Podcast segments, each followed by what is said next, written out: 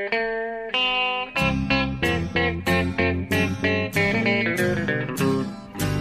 out there, we're on the air. It's hockey night tonight. Tension grows, the whistle blows, and the puck goes down the ice.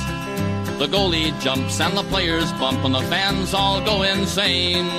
Someone roars, Bobby scores at the good old hockey game. Oh, the good old hockey game is the best game you can name. And the best game you can name is the good old hockey game. Hallå, hallå, hallå, hallå, hallå, hallå! Då, då är det dags för en ny NHL-podd igen och nu, det här känns fantastiskt. Det är avsnitt... Ett extra hallå var det där. Ja, det var faktiskt ett extra hallå. Eh, för att det här är avsnitt 147 och det är inte så märkvärdigt, ett så ojämnt nummer. Men det är på allra högsta grad så att det är dags för slutspel nu. Det här är den stora slutspels-previewn för oss i NHL-podden. När det är bara några ynka dagar kvar tills det är dags för Stanley Cup. Per Bjurman, hur är läget? Tack, det är fint. Det här är bästa tiden på året. Ja. Jag, eh, jag har sån här endorfin och dopamin pumpande i, i systemet när det ska bli eh, slutspel. Så att, eh, det känns fantastiskt. Och så har det blivit vår, eller nästan sommar på en gång i New York. Så att, eh, jag jular ner för andra avenyn. Ja, det, det ska... Jula. Ja, nej, men det ska bli, det ska bli fantastiskt. Och eh, självklart ska vi gå igenom alla åtta serier i det här avsnittet, är tanken. Precis som förra året. Och min vän här, jag vill, jag vill eh, säga så här att eh, det är inte bara vi som går igång på det här. Det är många som har efterfrågat det här avsnittet att vi måste få till det innan det är dags. Och faktum är Ja, ja. att när jag bläddrar igenom, jag brukar vara lite dålig på att hålla koll på det här, men när jag bläddrar igenom statistiken så eh, var det faktiskt det mest lyssnade avsnittet förra året. Det var våran preview för slutspelet. Oj då. Så det är, Jaha, det är lite press på oss idag. Det är många som liksom är taggade just nu. Inte det. Ja. Säg inte så. Nej. Så att eh, nu, nu har vi lite att jobba med. Men, det, men eh, vi kan konstatera att eh, grundserien är över. Ja, och det gick inte som du in i det sista hoppades på för Tampa Bay. Usch. Nej, det, det skett sig faktiskt. Det, och, det, är- och samtidigt... så- Ja, Het sig, vad är det för uttryck? kan du uppföra det här? ja, jag vet. Jag vet. Jag, och så håller jag på och slänger med mig uttryck som att folk... eh, Att lag pissar på det ena och det andra. Jag måste sluta Ja, med nej, sånt. Det är herregud. jättedåligt. Ja, ja, så där kan man inte hålla på. Nej, så att nu måste jag städa upp eh, mitt språk lite grann och mina uttryck och så vidare. Men... Eh, eh, nej, nej, men samtidigt... Jag har fått påmint för mig lite här senaste dagarna att oj, vad dumt att ni förlorade mot Arizona för två veckor sedan och de här Colorado-förlusterna och några andra riktiga bottennapp tidigare på säsongen. Men samtidigt känner jag liksom efter 82 matcher, det är nästan lite för mycket egentligen för att utröna en, en liksom rättvis eh, eh, rättvisa slutspelslag egentligen. Det, det, alltså man kan, det går inte att skylla på någonting då känner jag. Utan det är 16, de 16 bästa lagen som går till slutspel. Även om jag, Tampa Bay då avslutade säsongen med att ta mest poäng i hela östra konferensen från första mars. Underbar spurt. Ja, Men det ja, ja, ja. Nej. Men de förlorade, det här ställde de ju till för sig själva i höstas när de var så dåliga i början. Det var ju det. Att de inte, de trodde det skulle gå av sig självt och så gjorde det inte det och så blev det en massa skador. Och hej då. Ja, det är bara, det är bara att konstatera. Det var, det var Nu skiter vi det. Nu är, det, tillhör de lagen som har gått på semester som vi inte kommer att prata om något mer. Nej, det blir nog inte så mycket. Det blir nog väldigt stort fokus nu på helt enkelt det som händer på isen för de lag som är kvar. Eh, Men vi kan ju ändå, innan vi går in på, på dessa lag naturligtvis, så måste vi ändå, ändå snöa in oss lite grann igen på de här lagen som, som är borta nu. För att vi, vi kan ju inte bara blunda för så att säga att det har varit eh, ganska stora rokader på eh, tränarsidan och på eh, general manager-sidan delvis också bara senaste dagarna här. Sen, Ja, in, inte ska vi blunda för det. Nej. nej, det kan vi inte göra. Nej. Utan, utan det måste vi eh, faktiskt eh, konstatera.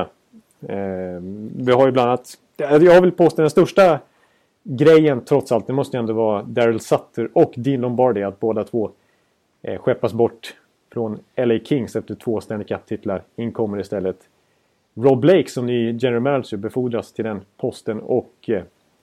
Eh, ja, Ja, du, du ska inte fråga mig för du, jag har precis skrivit upp när vi spelar in det här så jag har inte sett den här nyheten överhuvudtaget. ja, du var, ja, just det. Du var ju på konsert igår. Här.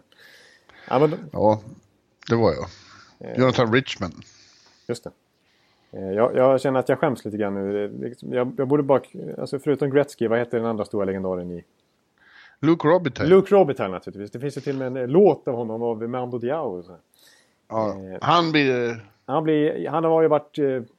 eh, President of Business Operations. Nu blir han även Hockey Operations. Han blir lite så här Brennan Shannon-karaktär kan man säga. Och så blir alltså Rob Blake General Manager. Medan Daryl Sutter tvingas bort, likaså Dean Lombardi. Ja, det var som fan. Mm. Ja, ja. Eh, och jag känner mig så här att, och det, redan nu så har man märkt att oh, det är många, framförallt fans, som är lite sugna på att plocka in Daryl Sutter med tanke på att han har ändå ett fint record där och han har gjort ganska mycket av ett sådär material senaste åren trots allt. Eh, ja. Och framförallt har han, ju, är, har han ju grymma possession-siffror och sådär. Rätt igenom. Även om man kanske inte ser som den mest moderna coachen så har han ju ändå, får han ut väldigt mycket. Men å andra sidan så uttalar sig Kings ägargrupp då, AEG där att med den core, med den kärna av spelare vi har så är det inte acceptabelt att inte utmana om titeln varje år. Nej, så de, okay. tyckte, de, de tyckte, nej, bort med, med det här och börja om lite grann. Då tror jag de har överskattat sin core. Det kan man ju säga, precis. För det har vi ändå konstaterat de senaste veckorna och hela, bara inför säsongen också. Att de har ju satt sig lite i skiten. Framförallt Dean Lombardi med alla konstiga kontrakt han har ja. gjort. Och vi har kanske, alltså en sak som vi har, eller som jag tycker blivit lite bortglömt överhuvudtaget man fokuserar bara på hans kontrakt. Han har gjort jättemånga dåliga trades senaste åren också. Nu har vi ju Milan Lucic som man tog in bara för en säsong och offrade ett första val för honom. Offrade Martin Jones som hamnade i värsta rivalen nästan San Jose och han eh, tog in Andrei Tsekera för ett första val. Bara, spela bara några månader i Kings. Så att, nej, det blir en tuff sitt som Rob Blake hamnar i nu för att städa upp efter honom. Lite liknande som Ron Hextall har fått göra efter Paul Holmgren vill jag påstå i Philadelphia. Ja, ja, ja, ja, kan, inte riktigt lika många usla kontrakt. Nej, kanske, Nej. kanske lite mildare. Och lite bättre, eh, trots allt. De, de har ju ändå elit i form av Dowdy och Kopitar och Carter och Quick kan man räkna in där också. Men jag tror att Sutter, alltså säger du att andra lag vill ha honom? Det tror jag. Eller vad säger ja, du? Jag tror han vill åka hem till farmen. Han är trött på den? Han åker hem till farmen i Al Alberta. Familjefarmen de har där och så. Så Englands åt det istället. Ja, det sipprar ut. Han är ju en kuf. Ja, det är han Usch. Eller usch kan jag säga. Men. Usch? Ja. ja, det ska man väl hylla snarare. Men, ja, nej, varför, men... varför sa du usch? För? Nej, jag säger ju usch åt allting. Det kan ju vara positivt och eh, negativt. Det har okay. tappat all form av värde i, mitt vokabulär. Men, men eh, nej, absolut. Och, och, men samtidigt så börjar jag sippra ut lite. Han har ju haft lite den här surgubbestämpeln på sig. Ja. Också. Och den har ju börjat sippra ut lite grann att spelarna kanske är lite missnöjda han, han skällde ut Jordan Nolan här för något tag sedan. Och han, eh, för, förra året så ryktade, det har inget, inte bekräftat, men då ryktades det om att eh, han stängdes ute från eh, omklädningsrummet faktiskt. Ja, precis. Mot Tampa Bay faktiskt då. Eh, och lite, lite märkliga beslut här senaste tiden också. Som gjort att det känns som att han har tröttnat lite på det också. Så han kanske vill, kanske som säger, han kanske vill hem till farmen här och gömma sig lite från uppmärksamheten. Han har ändå ja. vunnit vad som ja. går att vinna. Men han är inte ensam om att ha fått sparken de senaste dagarna. Nej, verkligen inte. Det är många vakanser nu. Ja, eh, vi bara, ja, igår så var det även så att Willie Descharnais fick eh, gå från Vancouver. Mm. Eh, Dessförinnan hade Tom Rowe eh, borta i Florida och eh, Lindy Ruff i Dallas. Ja. Har vi några fler? Eh, nej, det är väl de fyra jag kommer på. nej, det känns nästan som att det är fler, men nej. Det är väl, det är väl de. Men det är ju ganska mycket på kort tid också. Eh, det har kommit även så upp, eller det är klart helt enkelt bekräftat att Dale Talon blir general manager igen för Florida. Som de, en liten tillbakagång från det här experimentet de hade förra året. Ja. Eh, nu återstår väl bara att eh, ta tillbaka Gerard Galant så är det liksom 2015 all over again. det vore roligt. Ja, det, det vore märkligt. Men eh, Willie Deschamps är väl inte helt överraskande med tanke på deras skrala facit. Men å andra sidan så vad ska man göra med det spelarmaterialet han har? Eh, även om Vancouver själva, liksom ägarna där och den pressen som finns där liksom inte vill acceptera att de är ett bottenlag och borde rebuilda tydligare än vad de gör så, så är det fortfarande identiteten där att de ska gå till slutspel år efter år. Och då räcker det inte för Wille Descharnais att ha tagit näst minst poäng, tror jag, under den här treårsperioden han har varit tränare där. Tre, fyra årsperioden. Eh, och Lindy Ruff. Kontraktet gick ju ut. Eh, ja. Jim Neal ville ha lite förändring. Kändes som att Lindy Ruff... Ja, det är, väl, det är väl inte konstigt, men, men det var inte... Jag tycker det är lite konstigt med Ruff. Det väl inte hans fel att det gick som det gick. Nej, Nej det, det... Att det här, den här säsongen som man trodde skulle, de skulle bli utmanare på riktigt så vart det fiasko. De missar. Men det har ju att göra med skador och sånt. Framförallt. Det har att göra med skador och också Jim Neal lite grann att han inte prioriterar backsidan tillräckligt tydligt. Han släppte Demers och Goligoski och tog in Dan Hamius som är på ålders, ålderns höst i allra högsta grad. Ja. Eh, så att eh, där tycker jag inte det var rough. Man kan lägga skulden på rough heller. Men eh, det ryktas det om att, eller han har faktiskt gått ut själv nu härom, nyligen bara Jim Neal och sagt att han redan har intervjuat tre kandidater och har något på gång. Och att han vill ha en experienced guy. Han vill inte ha något experiment utan han vill ha en, en kille med erfarenhet. Och det har ju ryktat, ryktats till och med att Ken Hitchcock av alla ska återvända. Då snackar vi experience. Ja, verkligen. Inte modernt kanske, men det var ju kanske inte rough heller. Det verkar ju vara Nils melodi. Ja, det sägs att Hitchcock som jag har varit runt rätt mycket nu, han har varit i Columbus och Philadelphia och, och nu senast då i, St. Louis. Och innan det har varit, vad har han varit? Du som ett uppslagsverk på två ben.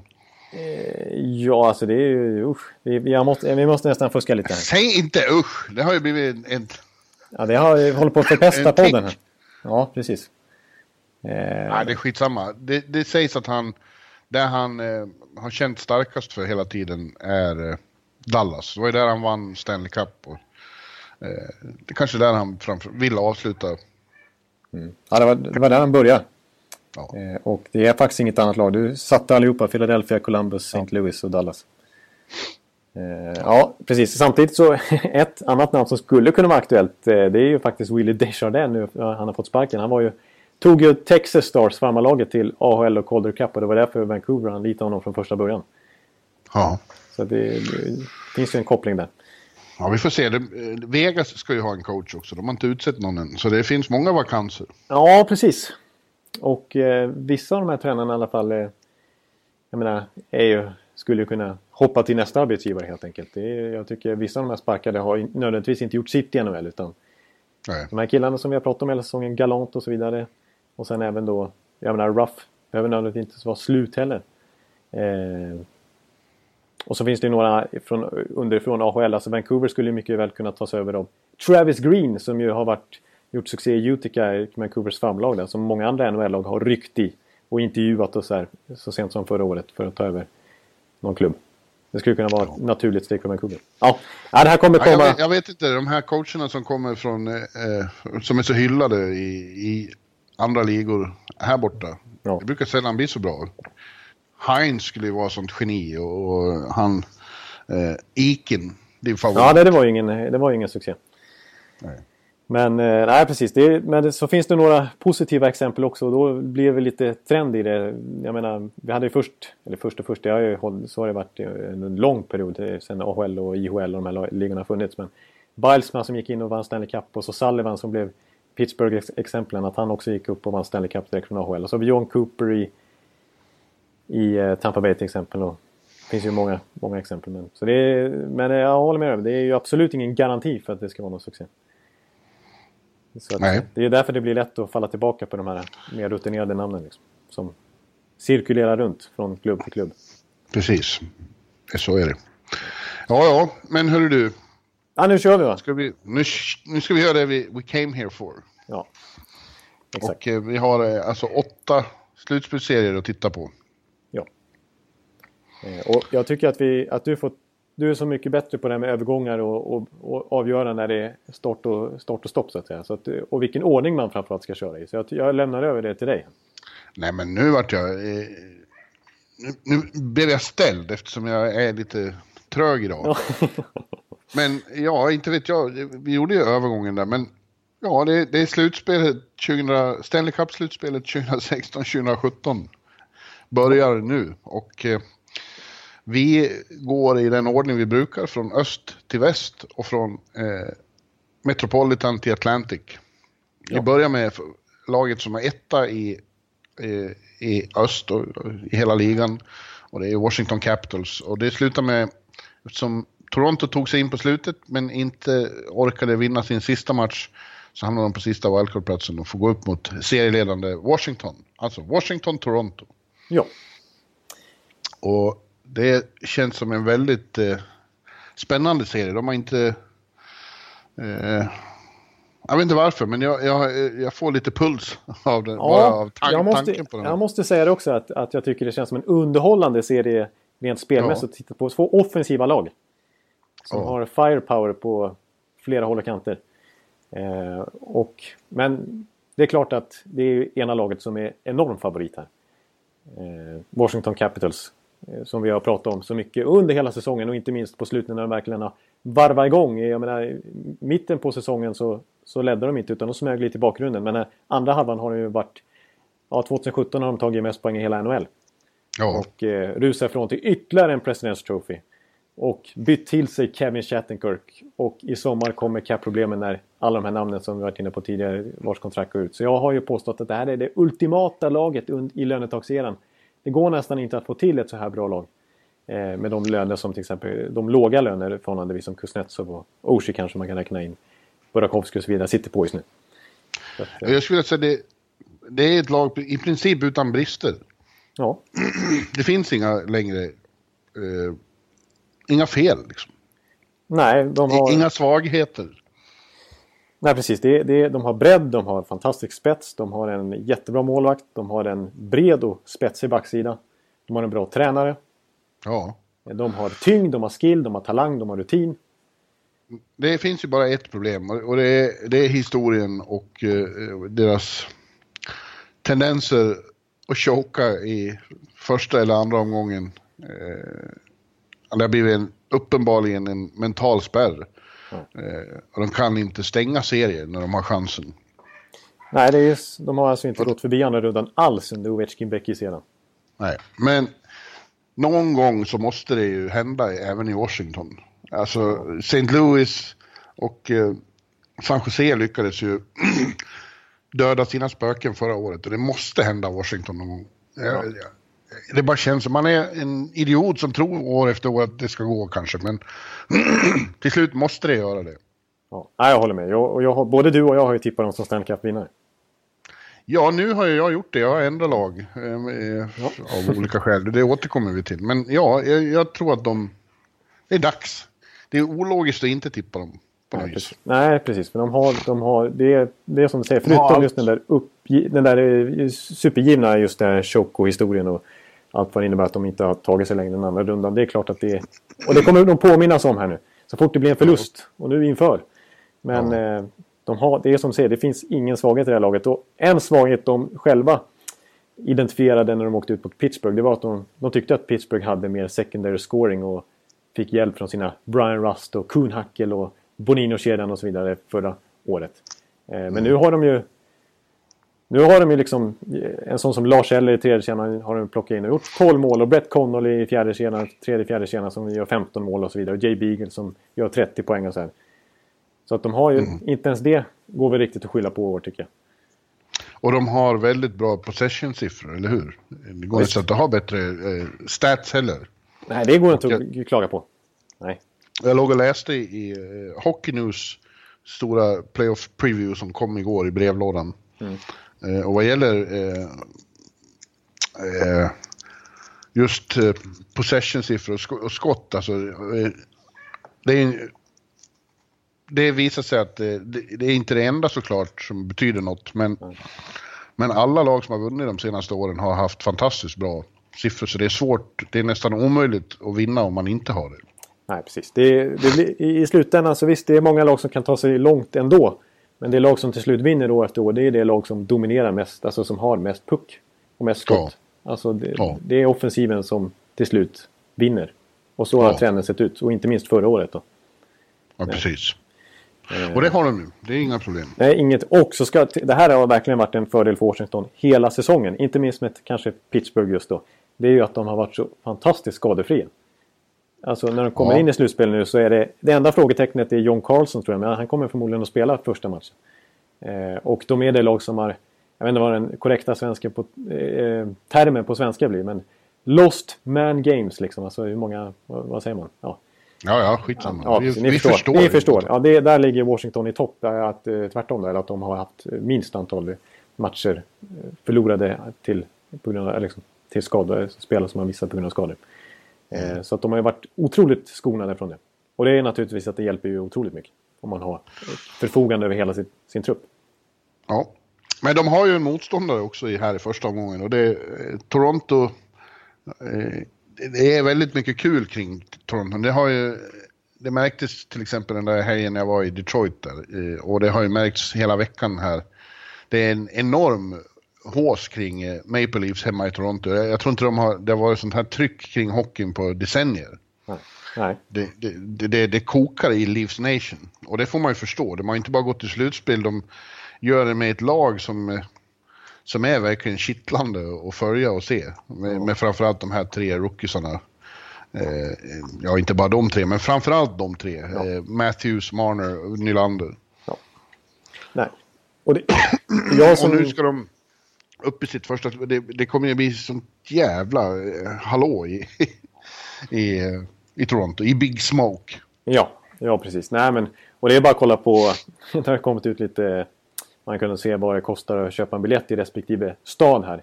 I Washington så kan man få en biljett för 40-50 dollar medan i Toronto, då är de uppe på 200 dollar redan nu. Liksom. Ja. Minst. Och det är mycket mer än så också beroende på var man vill sitta naturligtvis. Så det är extremt intresse.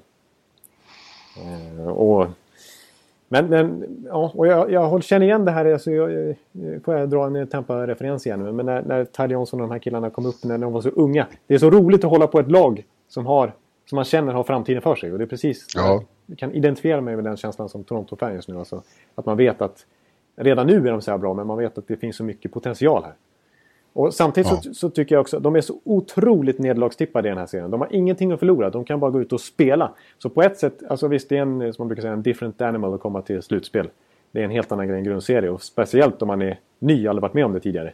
Eh, som väldigt många i det här laget inte mm. har. Men samtidigt så har de liksom inte riktigt den här pressen på sig heller som det brukar innebära när man ändå kliver in i ett slutspel. Eh, som Florida till exempel förra året. De var ändå Atlantic Division-mästare och hade press på sig lite grann att nu leverera. Men Toronto kommer in här utan någon som helst förväntningar på sig att kunna hota Washington. Mm. Eh, så jag tror ändå att... Ja, det är såklart en angenäm situation. Men jag, jag tror att det, det, blir för mycket, som du, du nämnde där. Det, mer än halva laget ska spela sina första slutspelsmatcher och eh, det, det kommer att bli en chock för dem. Ja det sa Dylan Larkin så, så, så sent som häromveckan när han fick frågor om det där att eh, eh, förra året så tog det honom flera matcher innan han förstod vad, vad det var som pågick. Ja. ja För det, det, är ett helt annat spel där all, all tid försvinner, all space försvinner och det är 100% i satsning i varenda jävla närkamp, i varenda byte.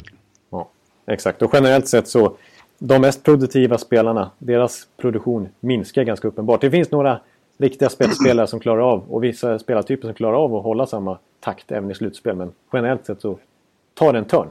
För det är ju det är som du säger, det är inte samma ytor, samma space, samma tid med pucken. Utan det krymper. Ja, eh, ja vi, vi, får lov att dra den där gamla om att eh, slutspelet är, är Grundseriens, grundseriens elaka bror som precis har blivit utsläppt i fängelse och ute och letar efter trubbel. Ja, där kom den. Ja, där kom det den. kunde inte bli en, en eh, slutspelspodd utan att det citatet nämns. Så är det bara. Nej, och, och det kommer ju att vara lite skrämmande för så unga små pojkar som Nylander och, och, och Matthews. Men de kommer ju eh, vara i final, tror jag, inom några år bara. Eh, ja. De har sånt fantastiskt lag och det kommer vara de mot Edmonton i, i Stanley Cup-finalen 2019. Ja, precis. Och det är väl bra att de får känna på det nu. Jag menar, för alla de här stora dynastierna, eller man ska kalla det, i alla fall stora lagen det senaste decenniet har ju, har ju börjat någonstans också. Eh, Chicago och Pittsburgh har naturligtvis inte gjort succé direkt. Utan det har tagit något år där de fått smaka på det och sen så... Sen börjar ja. hända grejer. Att, eh, mm. Ja, men jag tror att de kanske tar en match, men det, jag, jag tycker det borde vara Ingen snack här om att eh, Washington ska fixa det här. Och jag tycker inte att eh, Torontos backsida, som kanske inte är riktigt lika exciting som forwardsidan med Polak Nej. och Hunwick och så, att de ska kunna stoppa Washington. Det, det, visst, de, behöver en, de behöver en back, eller ett par backar för att det här ska bli... Ja, precis. Alltså, Riley Gardner Sightser, det är en bra topptrio, men, men eh, de behöver mer. Mm. Eh, så är det bara.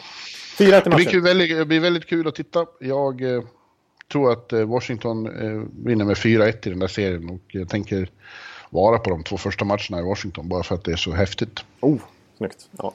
Och jag stämmer, mm. Tyvärr är jag så tråkig. Jag har ju också sagt då 4-1. Ja. ja. vi är överens Jonte. Ja, det är överens här. Men vi, vi, får se om vi är överens i nästa serie då. Det är Pittsburgh Columbus. Pittsburgh Penguins Columbus Blue Jackets. Ja. Nej, eh, det kanske vi inte är. Jag trodde ju från början att eh, eh Pittsburgh skulle ha en fantastiskt bra chans att upprepa och bli första laget på nästan 20 år att göra det. Ja. Och det trodde jag så sent som förra veckan, men nu tror jag inte det längre. För att Chris Letang är ju borta. Den mest otursförförde i världen tror jag. Ja, som har eh. råkat ut för alla möjliga skador och sjukdomar som ja. finns nästan. Ja, nu har han en disk i ryggen och är borta ett halvår. Så att han missar slutspelet och jag hävdar att, ja, Pittsburgh Penguins är fortfarande ett jävligt bra hockeylag. Men ja. det går inte att ta sig hela vägen utan sin nummer ett-back. Nej. Nej, precis. Jag, och det, och, ja. och, nu, och nu kommer vi till konklusionen här. Eh, jag är inte hundra ens, långt ifrån att de tar sig förbi eh, Columbus i första rundan. Nej, nej, nej, det är inte jag heller alltså. Jag tror att det här blir... nej, nej, nej. nej, men jag tror att det här blir en oerhört eh, tight serie alltså. Ja. Eh, alltså, för Columbus...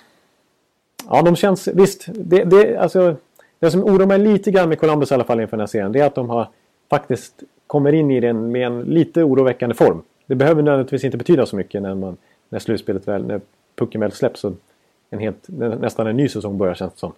Men de lyckades faktiskt slå Toronto där och förstöra lite Toronto, Torontos eh, möjlighet att eh, möta Ottawa istället för Washington. Men dessförinnan hade de förlorat sex raka matcher.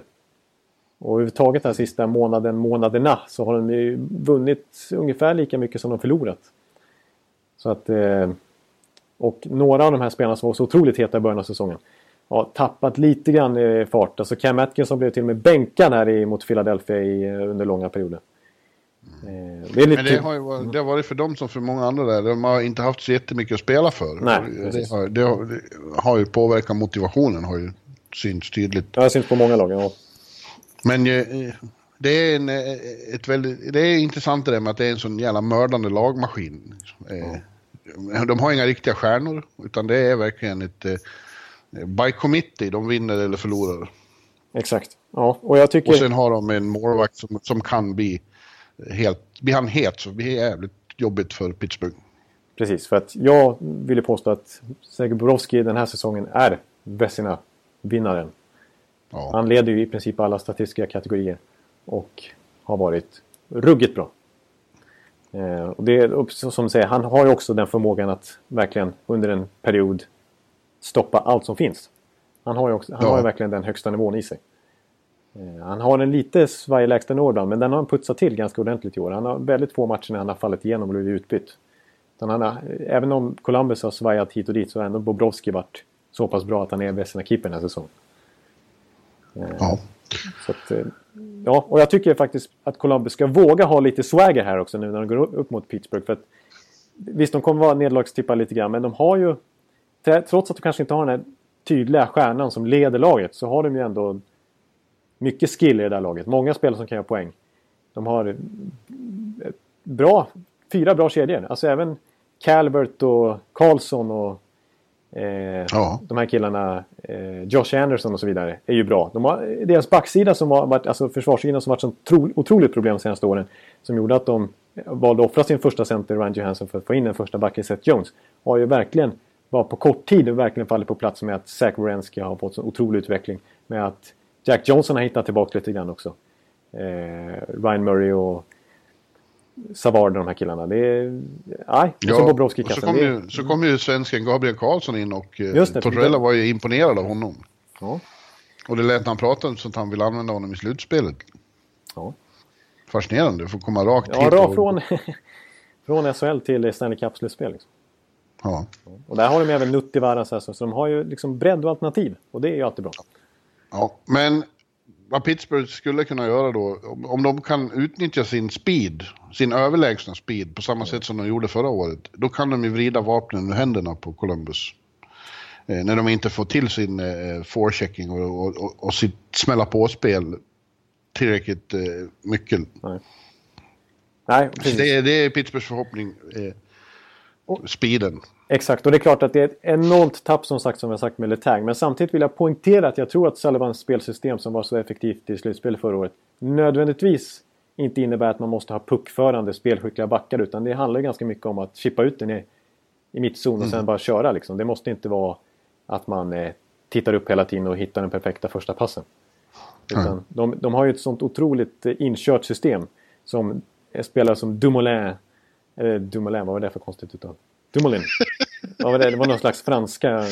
Ja, jag hänger inte med ja, riktigt. Nej, men det var ju roligt. Ja, ja, Han och Labraten kan vi spela. Ja, ja just. Esposito där på. Nej, men... Mm. Eh, ganska begränsade backar. Ben Lovejoy liksom var ju bra i slutspel förut. Absolut, det där var vi överens om i fjol. Det var ju rätt så anonyma backar som ändå gjorde jobbet. Men samtidigt så har Letang nästan 30 minuter per match och det är väldigt svårt att ersätta honom, tror jag fortfarande. Exakt. Ja.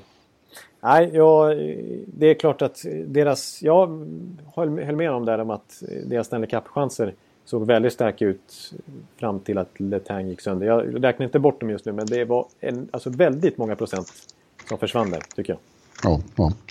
ja men eh, det är väl fortfarande så att egentligen är oddsen på Pittsburghs sida såklart. De flesta tror att de kommer vinna det här. Jag tror dock att vi får en liten skräll här. Jag chansar och säger att eh, Columbus vinner i sju. Ja, och då, jag, då ska jag gå emot då och tippa på Pittsburgh. För att jag, jag, jag har ändå så stor, stor respekt för deras forwardsida och deras spelsystem. Och eh, Murray i kassen, trots allt, som mm. ändå har en Stanley Cup på, på CVt nu. Och eh, sen vill jag en sak som jag tycker, som vi har berömt Chicago så otroligt mycket för, som jag vill klämma in här i, i snacket om Pittsburgh också. Det är att de senaste åren har varit otroligt bra på att få fram egna spelare som man inte knappt har koll på också. Förra, förut var det ju Conor Sherry och det var Brian Rust och det var Kuhnhack eller så här. Och i år igen när de har haft mycket skador. Jag menar, Jake Gensel har ju varit fantastisk ihop med, med Crosby. Eh, visserligen var det han har varit lite sådär doldis men de som har koll på honom har trodde ju att det här kan bli en jättebra spelare. Fantastisk juniorkarriär. Fantastisk i AHL när han fick chansen förra året. Kom in sent på säsongen och alldeles för bra för AHL den här säsongen. Så det var bara att kalla upp honom direkt. Och sen så så bra så att han har kunnat komplettera Crosby. Visst, alla spelar ju bra med Crosby men ändå. ändå han, ja. i, Crosby älskar att spela med Shearer och Gensel. Så att, eh, och några till. Carter Rowney och Scott Wilson och grejer som har gjort mycket poäng också i undanskymda roller. Så de, de, de, börjar bli lite sådär Chicago-aktigt. Att, eh, det, känns, det känns nästan som att de kan kalla upp vem som helst och så bidrar de och är bra. Liksom, och utvecklas. Och det är ju väldigt bra egenskap i en klubb att det funkar så. så att, ja, så du tror? Jag har sagt 4-2 till eh, Pittsburgh. Okej. Okay. En, en intressant detalj, i, i, eller eh, kuriosa i den där serien är att det är Sullivan mot, mot Tortorella, de är bästa vänner. Ja, exakt. Och, men nu har de sagt att det, den vänskapen är on hold. Ja, de ska inte ens prata med varandra eh, privat. Nej, de är ju väldigt eh, temperamentsfulla också, särskilt den ena av dem. Så det blir intressant att följa när han får utbrott på, på Sullivan. Precis, och som, som jag varit inne på tidigare i förra podden där. Eh, att historiskt sett så är ju inte Pittsburgh Tortorellas favoritlag direkt. Nej, nej precis. Men det, och det är ju... Uh, jag förstår inte det där. Om jag skulle göra något med mina bästa vänner och vi stod på varsin sida om något som betydde så oerhört mycket. Fan vad jag skulle ha svårt för det. Ja. Ja, det blir precis, för nu är de ärkefiender och nu ska de matcha. Nu ska, nu ska Tortuella gå upp mot, med Dubinski mot Crosby och försöka få honom i spel ja. totalt med lite halvfula metoder och sådär. Så att... Det kommer att bli hårt, alltså det kommer ja. att bli en blodig serie. Ja, Tortuella kommer pumpa skiten ur Columbus här för att de ska spöa upp Pittsburgh. Alltså. Ja. ja. ja, dessutom är det väldigt nära mellan Pittsburgh och Columbus. Det är nästan, bortsett från de här lagen som, som är i samma stad, så är det nästan ingen som är närmare varandra. Jag tror det tar tre timmar att köra mellan Columbus och Pittsburgh. Ja, just det. Ja, det kommer ju, ja, det. det kommer ju påverka serien också. Nej, men det har ju varit fina serier med de här tidigare också. Så sent som för två, tre år sedan. Att, ja. Ja, och Columbus som sagt, bra slutspelsstad också. Det fick vi se förra gången. Det, det finns, när det väl är ett bra produkt på isen, om man ska använda ett så tråkigt uttryck, så lever stan upp. Så är det. Ja. Men du... Eh, vi går vidare. Vi går vidare och då hamnar vi i Atlantic. Eh, och där har vi då ettan Montreal mot Montreal Canadiens mot eh, bäst, bästa wildcard-laget New York Rangers. Som ska upp igen i en repris från, av konferensfinalen 2014. När eh, Rangers, kanske lite oväntat faktiskt, slog ut Montreal eh, med 4-2. För grejen är ju den här att under hela, under hela Lundqvist-eran här så har Montreal faktiskt haft Rangers nummer. Ja. Det är en av de eh, lag som, som Henke själv och som Rangers har haft svårast för, i synnerhet uppe i Bell Center. Utom ja, det... en gång och det var i den där konferensfinalen, då vann de två matcher uppe där. Ja. Eh, och eh, Rangers hoppas på, på, på, att det sattes någon slags standard där, att eh, det är så det är. De har svårt för Montreal i grundserien, man kan slå dem i slutspel. Jag sätter frågetecken kring det resonemanget i år. Jag tror att Rangers får det jävligt svårt här. Ja, eh, sett den här säsongen så har ju faktiskt Canadiens vunnit alla tre inbördes möten också. Ja. Eh, och man har sett lite skyltar nu inför den här serien på just hur svårt just Lundqvist har haft. Speciellt när han gått upp mot Carey Price på andra sidan. Då har Carey Price en väldigt tydlig övervikt både vad gäller segrar och räddningsprocent och sådär. Eh, av någon konstig anledning. Eh, så att, mm. men... Eh, ja, ja, ja, ja, jag tycker det finns ändå en hel del saker som talar för Rangers faktiskt. Ja, och, låt höra. Låt ja, höra. ja nej, men jag, tycker, jag gillar ju deras offensiv trots allt. Det är ju lite Columbus-fenomenet på det viset att de kanske inte har den här tydliga go-to-guy-killen. Eh, som den kedjan som verkligen kommer eh, leverera. Men på ett sätt kan det vara bra i slutspel också för då är det ju så mycket matchningar och man möter samma lag hela tiden och det är Eh, man vill verkligen få bort den hetaste kedjan. Men i Rangers fall så är det nästan alltid olika kedjor. Man vet inte vilken kedja som kommer att ösa in mål just den kvällen. Eh, och fakt- ösa in mål? Nu ska, vi... ösa in, nu ska, vi, nu ska vi lugna oss här. Men, men eh, de gjorde, jag tror han gjorde fjärde mest mål i hela NHL den här säsongen. Och eh, det var bara ett lag, nej två lag förutom Rangers. Och det var Minnesota och Washington. Andra lag som är kända för sin bredd. Eh, som, gjorde, som hade 12 spelare som gjorde minst 30 poäng. Så man verkligen, det talar verkligen om utspridd produktion. Eh, svårt att matcha bort kanske i ett slutspel. Eh, och en sak som, om jag, i Montreals fall, som jag ändå, jag, jag gillar ändå Montreal och inte minst under Julien här. Så Julien har ju faktiskt ett lite oväntat bra facit sen han tog över. Om man, eh, bättre än vad jag trodde. Han har faktiskt 16-7-1 sen han tog över. Eh, och den, Varför är du förvånad över det? Han är jättebra. Ja, men han är jättebra. Men han fick ju en ganska tung start där liksom. Men han vände ju jättesnabbt. Eh, det är klart att det svårt att köra in sitt spelsystem som är ganska tydligt i hans fall eh, på kort tid. Men det har han ju satt jätteord. Och den kanske mest pikanta detaljen det är att när Therrien tränade dem eh, under den perioden av säsongen så tog de mest utvisningar i hela NHL. Från och med att Julien tog över så har de tagit minst utvisningar i hela NHL. Det är lite anmärkningsvärt. Ja, det är ju intressant. Eh, och ett jättebra boxplay är... under Julien också. Att, eh. ja, nu har du hoppat från Rangers. Jag vill bara stanna kvar vid dem. Ja. du säger att visst, de har, det där är ju en styrka såklart, bredden då, får man väl kalla det. Eh, men samtidigt så är det så, eh, ett, många av de som var väldigt bra i början av säsongen har ju sjunkit tillbaks. De påminner mer om laget i fjol nu än vad de påminner om laget i höstas. De, liksom, udden har blivit trubbigare, men det stora problemet för Rangers är backsidan. Ja. De har för långsamma, stabbiga backar som eh, eh, inte kan... Väldigt få av dem kan föra spelet liksom, och slå de här första riktigt bra passningarna och starta anfall. Ja, ja. jag tror de kommer få problem därför. Ja, det tror jag också. Alltså, det är ju Ryan McDonough som är den enda riktiga härförande bak. Annars är det ju, har, har vi varit inne på så många gånger hur Girardi och Stahl och Kleiner de här har tappat. Och ja. Brennan Smith är ju helt okej, okay, men inte liksom en topp 2, topp 3-back, tycker jag. Nej, eh. han är för... Eh, han är, det, för, för, stor risk ibland hos honom att han kan plötsligt göra helt knäppa saker. Ja, man vet det, inte riktigt vad man har honom. Track record han har eh, digert. Precis, det positiva är att han vågar ju spela liksom. Att han, han har ju ett konstruktivitet i sig men han kan bli lite övermodig liksom. Och i ett slutspel så vet man ju inte vad det tar vägen någonstans när det är mindre ytor och mycket mer kostsamt att göra misstag. Ja, och den Girardi, Vigneault är så förtjust i de här veteranbackarna, Ståhl och honom. Och, eh, igår, det här är en, en liten historia som säger vad New York tycker om Girardi. Igår var det var krångel med hissarna här i huset igår. Och då vet ja. du, när man bor på 48 våningen, det, ja, det, är förödande. Det är inget bra. Ja. Nej, det var en hit som var tråkig och då blir det så här. Det blir köer liksom. Så det var fullt i lobbyn och det var någon kille här och skulle fixa med de här hissarna. Han var där hela dagen. Ja. Och inget hände. Och plötsligt i, i, i, nere i trängseln i lobbyn där folk står och väntar, är det plötsligt någon som ropar, jag vet inte vem det var. Who is this guy? This is too slow. Is this the Dan Girardi of Elevator Guys? var det någon som ropade på. Ja, det tyckte jag var ja, det, ja, det säger, ja, ja, den är bra. Den, den, men det säger ju, säger ju allt om eh, New Yorks syn just nu på en av sina mest välbetalda backar. Som Vigneault fortsätter att ge förtroende. Ja. Ja, medan då eh, Montreal. De har, de, de, det känns som, om man jämför då med 2014 till exempel, så nu har de fler eh, vapen offensivt nu.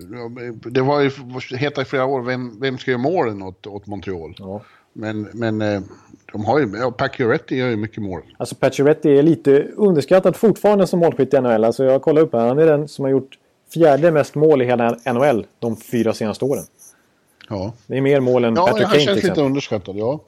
Och sen Radulov är, känns ju som ett vapen liksom, som är väldigt oförutsägbar och kreativ och härlig. Ja, precis.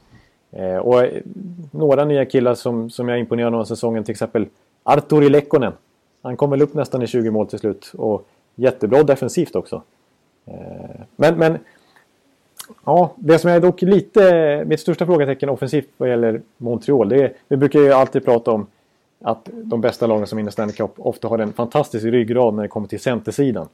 Eh, one-two punch och kanske till och med triple punch om det finns något sånt uttryck. Men att, att det, det, det, det finns en tydlig härförare i alla kedjor där. Och i Montreal så, så har man ju skupp, alltså under Julien så har man ju skitit i att ha Galchenyuk som center. Han skulle ju vara första centern inför den säsongen var tanken. Gjorde 30 mål förra året och skulle få sitt absoluta genombrott nu i, i första kedjan. Liksom. Men nu, nu inför den här serien, serien så har han faktiskt tränat som ytterforward med Steve Ott och Andreas Martinsen. Ja, jag såg det. Eh, medan då Philip Danault är första center. Det känns ju inte som en första center riktigt. Eh, Thomas Plekanec ska vara någon slags shutdown-center. Och så har de Andrew Shaw som center också. Och så då Torrey Mitchell eller väl i fjärde kedjan. Nej, det blir Steve Otto kanske beroende på hur de spelar. Men eh, Ett, ett grittigt lag. ja, ett grittigt lag, det får man säga att Bergevin har lyckats med. Eh, Ja. För det var ju det som var tanken med de, alla de här traderna han gjorde. Eh, de har höjt sin eh, snittlängd och snittvikt ganska betänkligt. Bara genom de traderna. Och få bort Dave Hané till exempel. Men... Eh, ja, det blir intressant att se Montreal faktiskt. Hur, hur de kommer se ut i, i detta slutspel. För det är lite annorlunda ändå. Det, samtidigt har de lite kanske mer offensiva... Ja, de har, ju, de har ju ett mördande powerplay-vapen också i, i Shea Webber. Eh, man får säga vad man vill om, men när han ställer upp på blålinjen och får bra lägen, då, då är det inte kul för motståndarna. Nej. Det så, det, det, senast de möttes här på Garden så muttrade Henke om det. Ja, ja, man följer med pucken in i målen. Ja. Som i en Buster-serie. Liksom. Supermac skjuter. Ja, det är sant. Och de har ju, som jag sa där också, Julien, under Julien så har de ju ligans bästa boxplay också. Special teams blir ju jätteviktigt i slutspel. Ja. Så det är klart det är bra att ha en fördel där. Eh. Ja, Ja, men in the end kommer det väl down to förmodligen en målvaktsmatch då, eftersom det är två riktiga målvaktsstjärnor som ska mötas här i Carey Price och Henke Lundqvist. Och förra gången så försvann ju Price efter första matchen för enligt hela Quebec för att eh, Chris Kreider avsiktligt körde på honom och tog Ja. bort honom. Ja. Och det kommer bli ett jävla hallå om det där. Ja det kommer kommer skicka Steve. Otto, Martinsen och alla sina nya killar här på. Och Andrew Shaw. Ja, Ja, är kanske på Henke. ja på Henke, ja Ja. exakt. Ja. Price har ju sett väldigt fin ut sista veckorna här. Han har ju liksom börjat varva upp. Och vi vet ju hur bra han kan vara om, om han blir het. ja, då är han den bästa i världen. Henke har haft det lite upp och ner. Eh, Jag, jag, jag gjorde en intervju med honom igår. Och, eh, eller vi hade avtalat, kan du ringa någon gång under eftermiddagen? Och det gjorde han. Och då satt jag precis och gjorde, som av en händelse, satt jag och gjorde eh, min ballot, awards ballot. Just det. Och jag sa, men du har ingenting att tjäna på att vara trevlig för jag får inte rösta i vässen i alla fall. Så. men, men han var på han kluckade och sa att nej, jag har ingenting med det att göra i år. Jag, det har varit alldeles för mycket upp och ner för mig.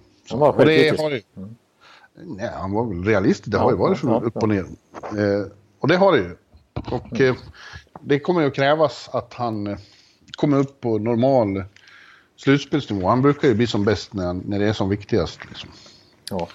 Eh, Ja, och jag ser jag, i, i dagens eh, New York Post är det en hel sida om honom. In need of a king. Rangers should pray. Lundqvist is his best if they hope to top Montreal. Och så är det ju. Ja, nej men det, det är bara att skriva under på. Han måste vara fantastiskt bra. Och speciellt när han går mot självaste Carey Price på andra sidan också. Ja. Eh, och det är ju, men det är ju lite oroväckande ändå att, att, eh, att Rangers, alltså just Lundqvist och hela Rangers, men även Lundqvist står facit mot just Montreal. Det är, ba- alltså, det är bara tre klubbar som han har ett negativt record mot, som han har fler förluster mot än segrar. Och det är just Montreal. Eh, och så även Ottawa och St. Louis. Men... Eh, Ja. St. Louis har inte mött så mycket. Det är värre med precis. Montreal. Det Nej, exakt. Ja.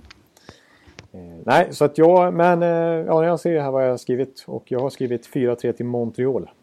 Att de vinner. ja. Även om har just sagt- Game jag har 7 sagt brukar vara Lundqvist-melodi. men, Ja. Ja. ja, men det blir i så fall i Bell Center som han inte har haft så kul i genom åren. Eh, och jag säger 4-2 till Montreal. Jag tror att de är ett bättre lag. Eh, framförallt för, på, för har Rangers... Nej, backsidan räcker inte till. Nej, nej, det skulle jag säga är den största bristen av alla lagdelar. Båda lagen sammanräknat. Och så att Montreal sitter på Care Price och fått in Julien och verkligen ett spel som börjar sätta sig nu. Ja, men du, så har vi eh, en serie kvar i öst. Vi börjar dra ut på tiden det här. Ja, vi får eh, vi kämpa får på. väl, eh, Ja. Vi får väl... vi får väl helt enkelt leva med det. Want flexibility? Take yoga. Want flexibility with your health insurance? Check out United Healthcare Insurance Plans. Underwritten by Golden Rule Insurance Company, they offer flexible, budget friendly medical, dental, and vision coverage that may be right for you. More at uh1.com. ja. Ja, då, och då är det eh, Ottawa Senators mot Boston Bruins. Eh, Som eh, känns som den kanske mest eh, oförutsägbara serien i, i, i öst. ja, jag har bytt vinnare här flera Nej. gånger. Jag vet inte ens vad jag tippar just nu. Men...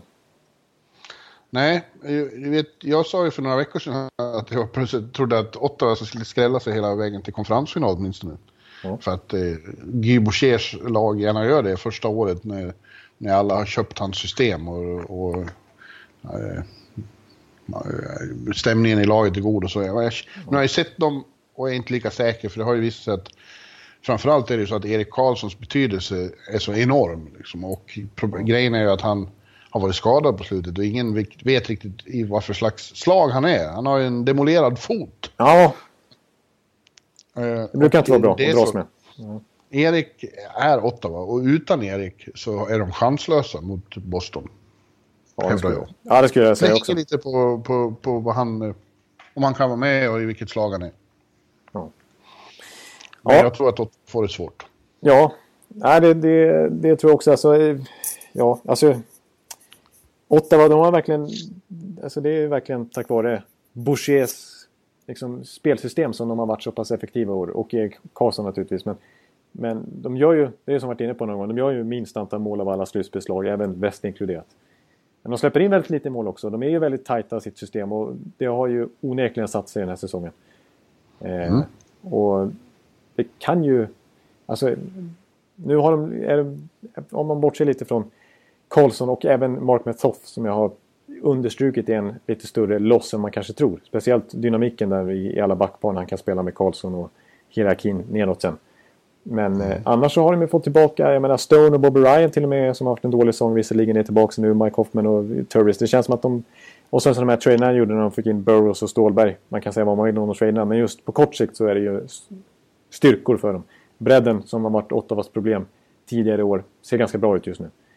Eh, Då tror jag ändå Ottawa blir ganska tuff att, att ha att göra med och samtidigt att de har, eh, ska också säga, ganska bra facit mot Boston. Ja, de har vunnit alla matcher i år. Ja.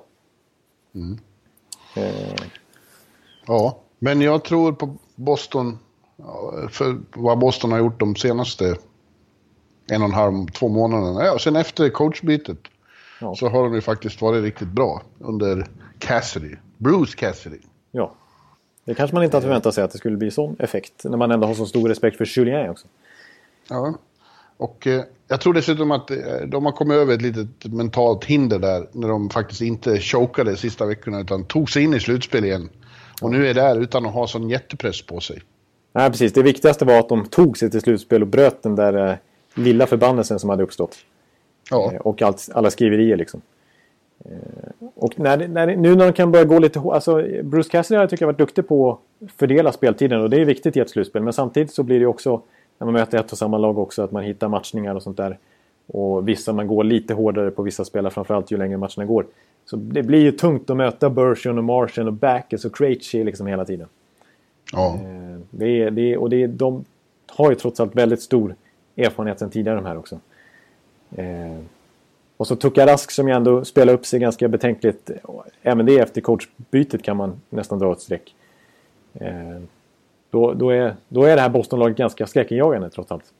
Ja, Marchand. Alltså, det känns som det här är säsongen han gör avtryck där han, eh, där han liksom deltar.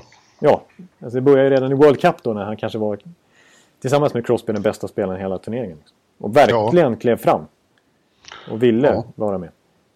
Eh, Sen, sen är det ju, har de ju drabbats av lite icke eh, miss... Liksom o... Vad ska man säga? Ja, skador. Ja. Nej, men det är så här, jag uttrycker mig De har enkelt drabbats av skador, Ja, de har drabbats av skador, så kan man säga. Utan att krångla till det. Tory Krug eh, verkar ju som att han missar eh, även eh, första matchen och kanske några till. Och Brandon Carlo har inte varit med och tränat här heller och kanske missar. Ja, det är ju förstås frågetecken. Liksom. Ja. Kraftiga. Ja, eh, det är kraftiga frågetecken. Men de, båda lagen har ju några college-jokrar här som är nämnvärda. Och kanske man ska snöa in sig lite extra på Boston. Eh, Charlie McAvoy som är superhypad prospect. Varit fantastiskt bra just Boston University. Irländskt efternamn. Man känns som klippt och skuren för att gå in i ett Boston-lag här. Eh, han fick eh, testa lite AHL här inför. Och de sa, sa coacherna där sa jag bara liksom, oj, ja, det, den här killen är ju definitivt redo för NHL. Han ska inte spela här. Han ska upp till Bruins liksom. Eh, och han har ju, det ryktas ju till och med att han ska gå in i första backpar med Chara direkt liksom. Aldrig spelat en, Ja. en, får debutera helt enkelt i NHL i slutspelet. Eh, Ja. Men han ska bli jättespännande att följa. Jag tror av rapporter man har hört och så bra som han var i JVM när man fick se han eh, under en lite tydligare så, så är det här en väldigt bra back. Ja. Och Ottawa har ju en kille också i Colin White som kanske inte riktigt Ja. verkar vara redo för att bli någon spets att räkna med än. Men, men det förbättrar deras bredd och ger dem ännu mer alternativ. Och också en, en spelare för framtiden onekligen. Som det ryktas om att Colorado ville ha för Duchene i ett paket. Men då sa ju liksom Ottawa stopp. Han är för viktig för vår framtid. Så det är också en, en spännande spelare. Ja. Eh, men vad tror du då? Eh, ja, nu när vi har sett hur du argumenterar här så låter det som att jag borde tippa på Boston. Jag har bytt hela tiden men jag, ser, jag måste hålla fast vid vad jag skriver. För jag har skrivit upp alla mina tips. Och då ser jag att jag har skrivit Ottawa faktiskt. Om de är skadefria, om de håller sig till sitt system så tror jag att de kan klara en runda i alla fall faktiskt. Då tror jag att de kan klara sig förbi Boston trots allt. Fast jag vet inte. Alltså, det är... Ja. Craig Craig Anderson Nej. måste verkligen stå på huvudet också. Ja, Craig Anderson måste vara väldigt bra. Och Erik Karlsson måste vara med och vara hel. Eh, annars är det helt kört. Annars är det helt kört. Annars är det helt kört. Men jag, jag tror att eh, Boston är ett mer... Ett bredare lag. Eh, och både bredare och har bättre spets där i, i, i Mar- Marchand-kedjan och, och Pasternackan och de här. Pasternak ska Jag man ju verkligen nämna. Oj, vilken säsong. Ja. Ja. Och jag tror därför att Boston vinner med 4-2. Ja, bra. Jag har sagt 4-3 till, till Ottawa. Då. Jag, jag, jag, jag tror jag grundar lite på, trots allt, att, de haft så, att man, jag tippar mot dem så mycket den här säsongen. Alltså redan inför säsongen, sen när väl säsongen började, Craig Anderson försvann, hans fru fick cancer och de fick ta in en wavad målvakt som Mike Condon, så började han storspela. Sen ryker Mark Stone och några matcher här på slutet och man tror att de ska... De håller på att choka ihop och tappa den, men så lyckas de ändå ta sig upp tillbaks och få hemmaplansfördel och så. Så att den här gången ska jag försöka tippa på Ottawa. Får vi se vad Ja. det. Även om jag skulle vilja se ett möte mellan Boston och eh, Montreal i nästa runda. Julien mot eh, Boston. Skulle vara kul. Det skulle det ju såklart. Mm. Eh, Montreal-Boston är alltid Montreal-Boston. Ja. Ja. Så att, eh, ja. Så är eh, det. Ja, men nu, nu riktar vi blickarna västerut då. Vänder på oss lite här. det tycker vi där ska vi, fyra matcher i västra konferensen och vi börjar med Central. Där seriesegrarna, eller inte seriesegrarna, men konferenssegrarna Chicago Blackhawks möter Nashville Predators. Det stämmer. Eh, sista wildcard-laget i, i väst och eh, ja, det, det hade kunnat bli lättare för Predators, tycker man. Eh, det är ett väldigt roligt lag tycker jag att titta på. Det skulle vara, jag tycker det skulle vara fantastiskt på så många sätt om Predators gick långt. Mm. Eh, bland annat för att jag vill åka till Nashville såklart igen. Ja, det vill man. Ingen, ingenstans är det roligare. Eh, men, ja, eh, det är som det är med Chicago. Alltså, när de har haft en sån här säsong och mm. känner vittring på någonting, då, då är det som att de eh, bestämmer sig för att eh, nu ska vi spela vår bästa slutspelshockey. Och de, de kan ju det bättre än nästan någon annan. De vet hur man gör. Ja. När det här nya, nya hockeyn börjar spelas på våren. Ja, precis. Och det är, det man är inget annat än imponerad över deras säsong här. Man är lite eh, ifrågasättande inför säsongen. Jag tror vi kallar det här Chicago-laget för det på pappret sämsta eh, under dynastiperioden. Eh, när det, när, fortfarande en fantastisk ja. kärna naturligtvis. Men sen så var det ju sådana killar som Hinnerstrose och Hartman och Schmaltz och killar som, som skulle få chansen från start som man inte visste vart man hade. Panik. Eh, men de har gjort det otroligt bra och visst man kan berömma bredden men jag vill också verkligen berömma spetsen för nästan alla de här killarna som alltid levererar och som de har verkligen behållit nu under 7, 8, 9 år är ju mm. jättebra fortfarande. Alltså Patrick Kane kommer tvåa på poängligan delad med Sidney Crosby. Eh, Corey Crawford i målet, jättestabil, tar över 30 segrar i år igen. Eh, ja. menar, över 50 poäng av en lite till åren snart Duncan Keith. Brent Seabrook gör nästan 40 poäng han också. Hjalmarsson, fantastiska possession-siffror och bra liksom shutdown-spelare fortfarande. Eh, och och eh, Taves har ju faktiskt gjort över 40, jag tror han har gjort prick 40 poäng efter nyår. Verkligen kommit igång här på slutet måste man ändå ge honom. Eh, mm. Marian Hossa nästan 30 mål som 38-åring. Verkar inte vara slut än. Eh, så att de känns heta alla de här killarna inför slutspelet också. Hjalmarsson är precis nybliven pappa, fått sitt an, sin andra son. Eh, Oliver eh, anlände häromdagen. Så att han eh, har motivation på alla sätt och vis och feel good känslor Ja, just det. det ja, Okej, det ser man. Mm. Ja, nej men jag... jag, jag... Meddelas här i blogg, podden. Ja, du ser. Vi kommer med lite news helt plötsligt. Mm. Inte varje gång. Men... Eh, Eh, och sen är det lite det här fenomenet som har följt Chicago under, den här, under dessa år. Det är att varannat år efter en Stanley Cup då kommer en ganska tydlig baksmälla. De går inte så långt i slutspelet. Men sen, sen får de upp motivationen igen.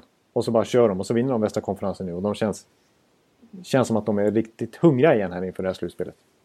Ja. Så att, eh... Ja, det... Och... Eh, ja, tyvärr då. Ja, vi, vi har en vän, Jarko. Ja. Eh, vår sidekick här i podcasten som eh, tror så mycket på Nashville att han säger att han ska hosta upp lite pengar för det om han, om han nu får avslöja det podcast. Jag vet inte, men eh, det ska han i alla fall. Ja, han har, han, han har en liten feeling för Nashville. Ja, han tror att eh, Chicago är överskattade den här säsongen. Ja. Eh, så kanske man eh, kan se det, men jag, jag tror helt enkelt inte Nashville räcker till. De har en fantastisk eh, snabb, snygg, explosiv, energisk hockey med, eh, som tidvis drivs av en sån underbar spelare som Viktor Arvidsson. Ja, och som eh, tar fart bakifrån med en helt otroligt spelskicklig topp 4 eh, där på backsidan med dels eh, Subban och Josie men även Ellis och Ekholm. Så de får verkligen ja. fart i anfallen. Ja. Men sen är det, är det frågetecken kring Pekarinne, hur bra han verkligen är nu. Och medan Crawford är en mycket, mycket pålitlig, solid. Slutspelsmålvakt. Slutspelsmål, ja verkligen. Så att, eh, jag säger 4-2 till Chicago. Jag har faktiskt också sagt, eh, nu är jag tråkig men jag har också sagt 4-2 till Chicago. Jag tror att de avgör då. Ja, i Nashville just då. Mm. Eh, och lite frågetecken måste man ändå ställa för de ledande spelarna. Nu har Arvidsson anslutit sig till den gruppen men förra året var man inte så imponerad trots allt av Joe Hansen och Neil och även faktiskt Forsberg i slutspelet. När det brände till och de verkligen behövde göra mål, då, då var det lite tunt där. Det fanns några undantag, men Forsberg gjorde faktiskt bara två mål på 14 slutspelsmatcher. Och Neil och Johansson och några till var också, lös också med sin frånvaro när, när de behövde. De gjorde väldigt lite mål där. Lyckades ändå hanka sig fram. Mm. Men eh, Eh, ja, det, det, lite det här fenomenet som jag har gnällt på lite om Nashville överhuvudtaget de senaste åren. Att de har, trots att de har några riktigt skickliga spelare som är underhållande att titta på så just den här riktiga go-to-guy-killen, den, den, vet jag inte om de har. Eh, den här, för de har ju ingen, de har ju några spelare som gör mycket mål och som är bra, men de har ingen kille som, gör, som är i närheten av point per game liksom. Som man vet kommer kliva fram. Så... Eh, nej, jag tror inte det. Jag tror att det, det var synd för dem att, att, de, eh, att eh, de inte klarade av mm, den där lilla duellen mot St. Louis om att ta tredjeplatsen och möta Minnesota istället. Där hade de haft betydligt Nej. större chanser än mot Chicago här som jag tror rullar över dem till slut. Ja, ja jag tror också det. Så 4-2 till Chicago. Medan St. Louis då får möta Minnesota och det har vi sagt flera gånger, det låter nästan lite eh, oförskämt mot Minnesota, men det känns som det bästa, bästa motståndet man kunde få i väst. Inte för att de är dåliga, men för att de, alla andra är så bra. Ja. och de, var ju, de har ju framförallt varit stek, stekheta första halvan av, av grundserien, men, men sen har de ju vinglat rätt ordentligt, Minnesota, och, och känts lite tunna. Ja, ja precis. Och, och faktum är att apropå Nashville då, som vi just pratade om, så eh, inte i lika stor utsträckning, men till exempel den här Hansal-traden. Vi får se vilken effekt det får nu i slutspelet när det är viktigt med en bred centersida som jag redan har sagt. Men det blir ju lite den här eh, effekten med tanke på att de börjar förlora så mycket efter den traden så kändes det lite grann som den här gamla Nashville-traden. När de tog in eh, Cody Franson och Mike Santorelli och så förändrades dynamiken i omklädningsrummet lite grann på något vis. Jag vet inte om Martin Hansal kommer in och förändrar ett omklädningsrum direkt men... Eh, men, eh, Nej, men det kan ha stört eh, kemin där. Ja, det var ju ändå ett, ett, lag som var ganska fritt från skador och som hade hållit ihop under flera månader och gjort otroligt bra. Sen plötsligt så, bara ganska snabbt så, så kom de in i en slide och, och har ju varit ett mediokert lag eh, under två månader nu. Ja, mediokert är bra ord. Ja, inte ens Devin Dubnik har varit, han har också varit medioker. Medan då en sån som, eh, medan St. Louis känns som har gått igenom en, en väldigt fin förändring sen coachbytet. Eh, ja, och gamla liksom, Minnesota-tränaren. Ja, mitt i, ja, det är ju spännande att han får gå upp mot Minnesota nu. Men mm. man liksom mitt i steget och mitt under säsongen förändrar karaktär och blivit det som det väl var tänkt att de... Det där steget de tvekade genom att behålla Hitchcock och låta eh, Mike Joe vara kvar. Ja. Eller ja, tvärtom, gå, och, låta Hitchcock vara kvar och låta Joe gå som någon slags vänta på att ta över till nästa säsong. De vågar inte ta steget då, men det har de lyckats göra mitt i det här. Och det, det som ju var ett jävligt tungt och, och mullrande ångvältslag uh, tidigare har verkligen blivit... Det är mycket kvickare och mer ja. dynamiskt uh, lag nu. Ja, precis. Alltså Joe, han börjar ju direkt med att släppa det här man-man-försvaret som Hitchcock hittar på grejer. Utan spela enkelt, ty tydlig, hitta tillbaka till tydliga grunder istället. Och sen så börja spela med fart. Och kalla upp ja. Eh, Magnus Pääjärvi och kalla upp eh, Barbashev och, och Sandford ja. som han fick från, eh, från eh, Chattercook-traden. Lite unga, nytt folk, Jasken och grejer som, och ger lite förtroende. Och plötsligt så har det blivit ganska underhållande att titta på St. Louis. Och de har haft verklig framgång här sen det där mm. bytet. Alltså det, det, de förtjänar den där tredjeplatsen i allra högsta grad. De hade ett ganska dåligt record faktiskt. Jag tror de hade 24-21 någonting innan han tog över. Och sen dess har de ju dansat ifrån eh, konkurrenterna ganska ordentligt och långt ner till, till slutspelsstrecket till slut. Ja, ja eh, men... Eh, och så Jake Allen då, har ju spelat bra. Ska vi säga också. Ja. Jake Allen har ju faktiskt. Mm. Sen, är, sen känns det inte som de har samma press på sig som vanligt heller. Det, brukar, det har ju varit flera år att nu måste det vara året när St. Louis går hela vägen och så. Det, det känns inte som... De har segrat lite under radarn eh, det här året. Ja. Och eh, ja, det, det, det, kan säkert vara bra att slippa det där eh, kravet att ni måste, måste vinna. Ja, precis. I dubbel bemärkelse vill jag påstå. För dels just det här att de inte är lika favorittippade i, i största allmänhet. Men, men också att de förra året då tog sig förbi andra rundan och, och faktiskt kom till konferensfinal. Det har mm. också varit ett litet spöke också. Så, att de, de bröt en barriär redan då. Men nu har de inte så mycket press på sig av flera anledningar. Liksom. Så att de Nej. spelar lite under radarn här faktiskt. Och de har ju, det ska vi säga också, att de har ju vunnit eh, tre av fem matcher mot eh, Wild den här säsongen. Så de har eh, positiv statistik mot just Minnesota faktiskt. Ja. Ja. Det finns eh, i allra högsta grad läge för en upset. Ja, jag tycker inte det är någon upset. Jag tror att St. Louis vinner med 4-2. Mm. Eh, och jag har ju då skrivit, det här låter ju helt bisarrt, men jag har faktiskt skrivit Minnesota. Jaha.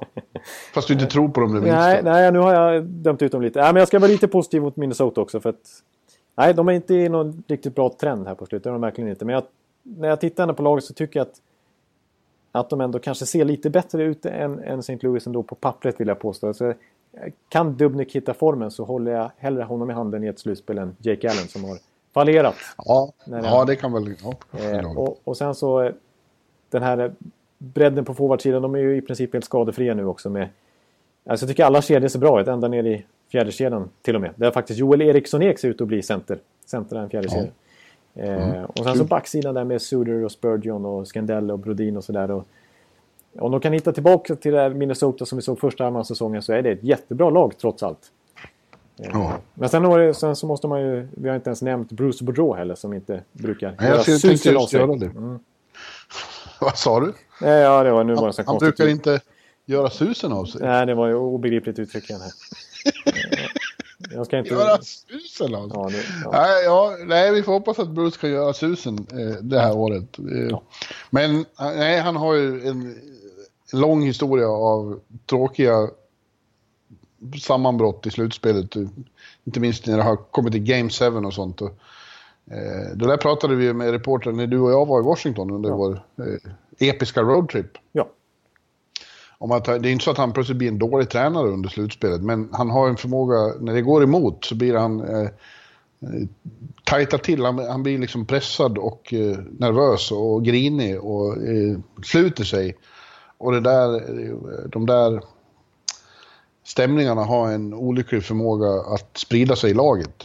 Ja. I lagen han har haft och då, då blir det, då blir det liksom låst och det är inte bra. Nej, precis. För det har verkligen blivit så. Han är ju inte den där, den där hurtiga skojfarbrorn som vi mötte i hissen. Nej. Utan eh, som du säger, han blir spänd och tens. Ja, tens är orden. Ja. Och det, det blir ju hans lag i de där lägena också. Så det får han gå till en psykolog och få hjälp med. Faktiskt. Ja, jag, jag, jag står fast med 4-3, trots allt då, till Minnesota. Mm. Ja, jag säger 4-2 till Blues. Ja. Då så är det Pacific. Där vann till slut Anaheim Ducks då med ett väldigt fin avslutning på grundserien och eh, möter eh, Calgary. Ja. Flames. Ja. Och det känns också som en väldigt svår serie tycker jag att tippa. För att eh, ja. jag, jag, jag, upplever det som att Calgary är lite underskattade. Ja, det är möjligt. Det borde, det borde som sagt, Dags ha, ha avslutat riktigt bra. Och mm. har ju en, en spets av Guds nåde. Eh, problemet är det som du har pratat om mycket i den här podden och det är att man, man undrar ju hur det ska gå i längden när Carlisle matchar laget som han gör. Ja. Ja, precis. Ja, ja det, är ju, det, är ju, det kan ju vara 25-26 minuter på Getzleff och, och Kessler i vissa ja. matcher. Eh, så det, han rider ju stenhårt på ett fåtal forwards. Eh, ja. Vilket ju är lite speciellt i speciellt dagens hockey som predikar fyra kedjor och utjämnad speltid lite grann. Men eh, samtidigt så tror jag, och det tycker jag man sett lite tendenser till i vissa matcher här när, när folk försöker matcha mot Anaheim. Så, så eh, ja, alltså det kanske kan vara en fördel nu att, att han ändå har spelat in lite grann så att han har gjort ett, två, han har en given kedja som håller ihop alla väder och det är ju Kessler, Silverberg, Cogliano. Och det är mm. deras shutdown-kedja som ska möta motståndarens bästa kedja. Men sen har han ju faktiskt inte... Då har han ju gjort helt enkelt så att han har kört Getzlaff med Eves som har funkat bra ihop. Och så har han kört Perry med Raquel i en egen kedja. Ja. Så att, och båda två har funkat rätt bra. Och så han, eh, det kan vara... Eh, det kan vara Nick Ritchie och, och, någon annan som spelar liksom, med, med de här två tandemsen. Man ska säga. Men, ja. men, men jag, jag, jag, kan tänka mig att mot Calgary att de kommer försöka sätta Frolik, Kachak, Backlund, deras stora shutdown-kedja på antingen Getzlaff eller Rakell. Men då blir den ena kedjan utan en matchning och kanske möter Stajan och eh, Chason och eh, Lazar och de här killarna. Alltså, då tror jag att det... Medan, medan man naturligtvis kommer sätta eh, Kessler-kedjan på att ta hand om Gaudreau och Monahan. Så är, mm. jag, jag, tycker det är lite intressant matchningsmatch. Nu blev det väldigt mycket match här. Men, eh, och att eh, Annan kanske har en liten fördel där, trots allt. Matchningsmatch, kan du inte skriva om det? Ja, Matchningsmatchen i matchen. Ja, det, det blir en svår text att få ihop om man vill hitta synonymer sen. Ja. Men... Eh, nej, så att jag, jag, min, min känsla är lite på Anaheim trots allt. I alla fall i första omgången. Jag tror inte de är helt slut än, hans eh, killar här. Nej, Och, nej eh, det är- det är ju mitt tips också. Att de tar det här i 4-3, men jag känner mig verkligen inte säker. Nej, precis. Eh, Det blir ju en fin, båda lagen har fantastiskt fin eh, backuppsättning också. Nu, nu får ju Anaheim klara sig utan eh, Cam Fowler, är det väl? Ja, precis. Eftersom blev borttacklad av Mark Giordano Ja. eh, förra veckan. Bara någon sån sak.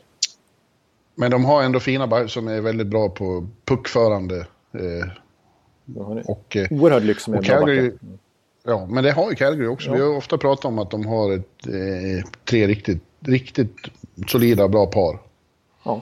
Framförallt, eh, ja, framförallt två. Alltså, Mm. alltså Giordano Hamilton vill jag påstå är ett av ligans bästa backpar. Absolut. Ja. Och även Stone med Brody har varit jättebra sen de parades ihop när Stone kom från Arizona.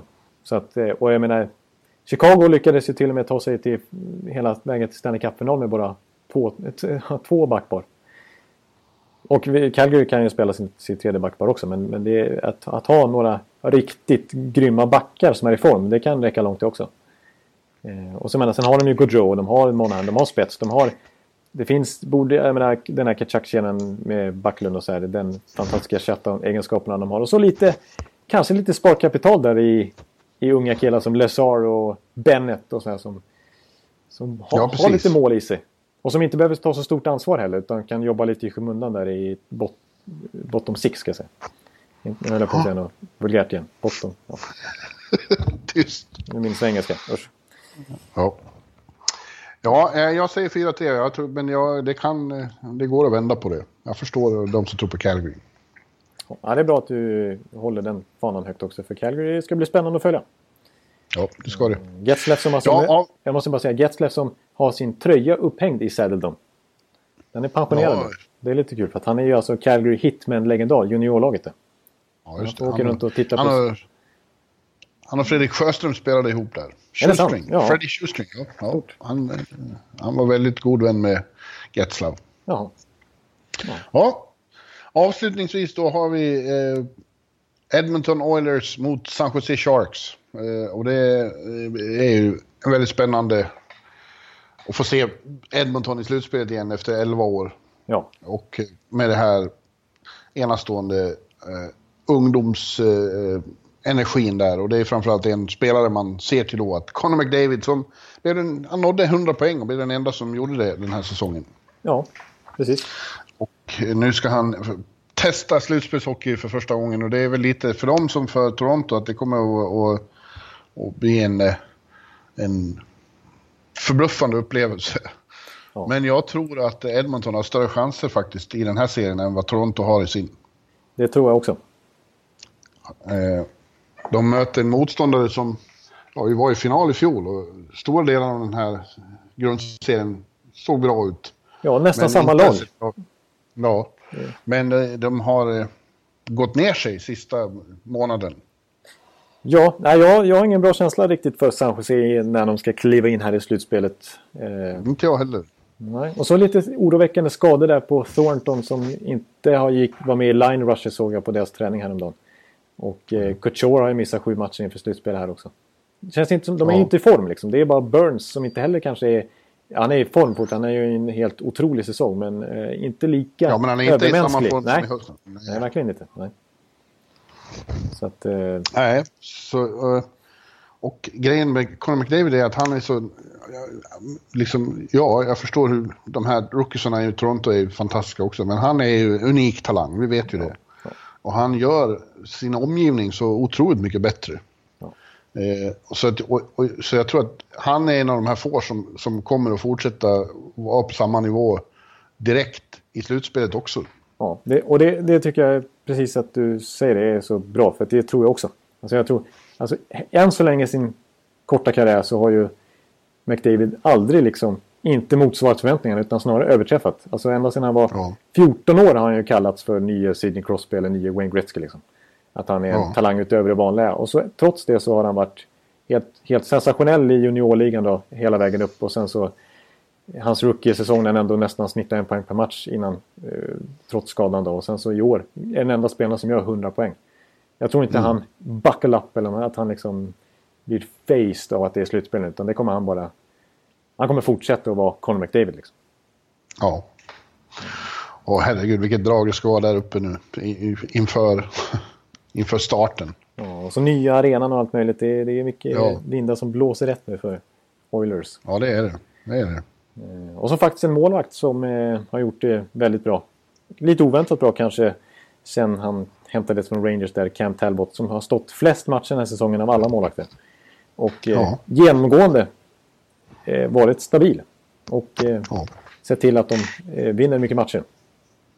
Så att där känns det inte som att de har något problem längre faktiskt. Och backsidan är jag positivt överraskad av också. De har ju fortfarande inte den där riktiga stjärnan. Men Klefbom kommer nästan upp i 40 poäng och vi har en Adam Larsson med en fantastisk plus minus statistik om man nu lägger någon värdering i det. Men trots allt, jag är imponerad över hans defensiv den här säsongen. Ja. Eh, ja. Och många, många backar överhuvudtaget som har tagit steg framåt där. Till och med en sån som Andrei Sekera på ålderns höst har sett bra ut tycker jag i år.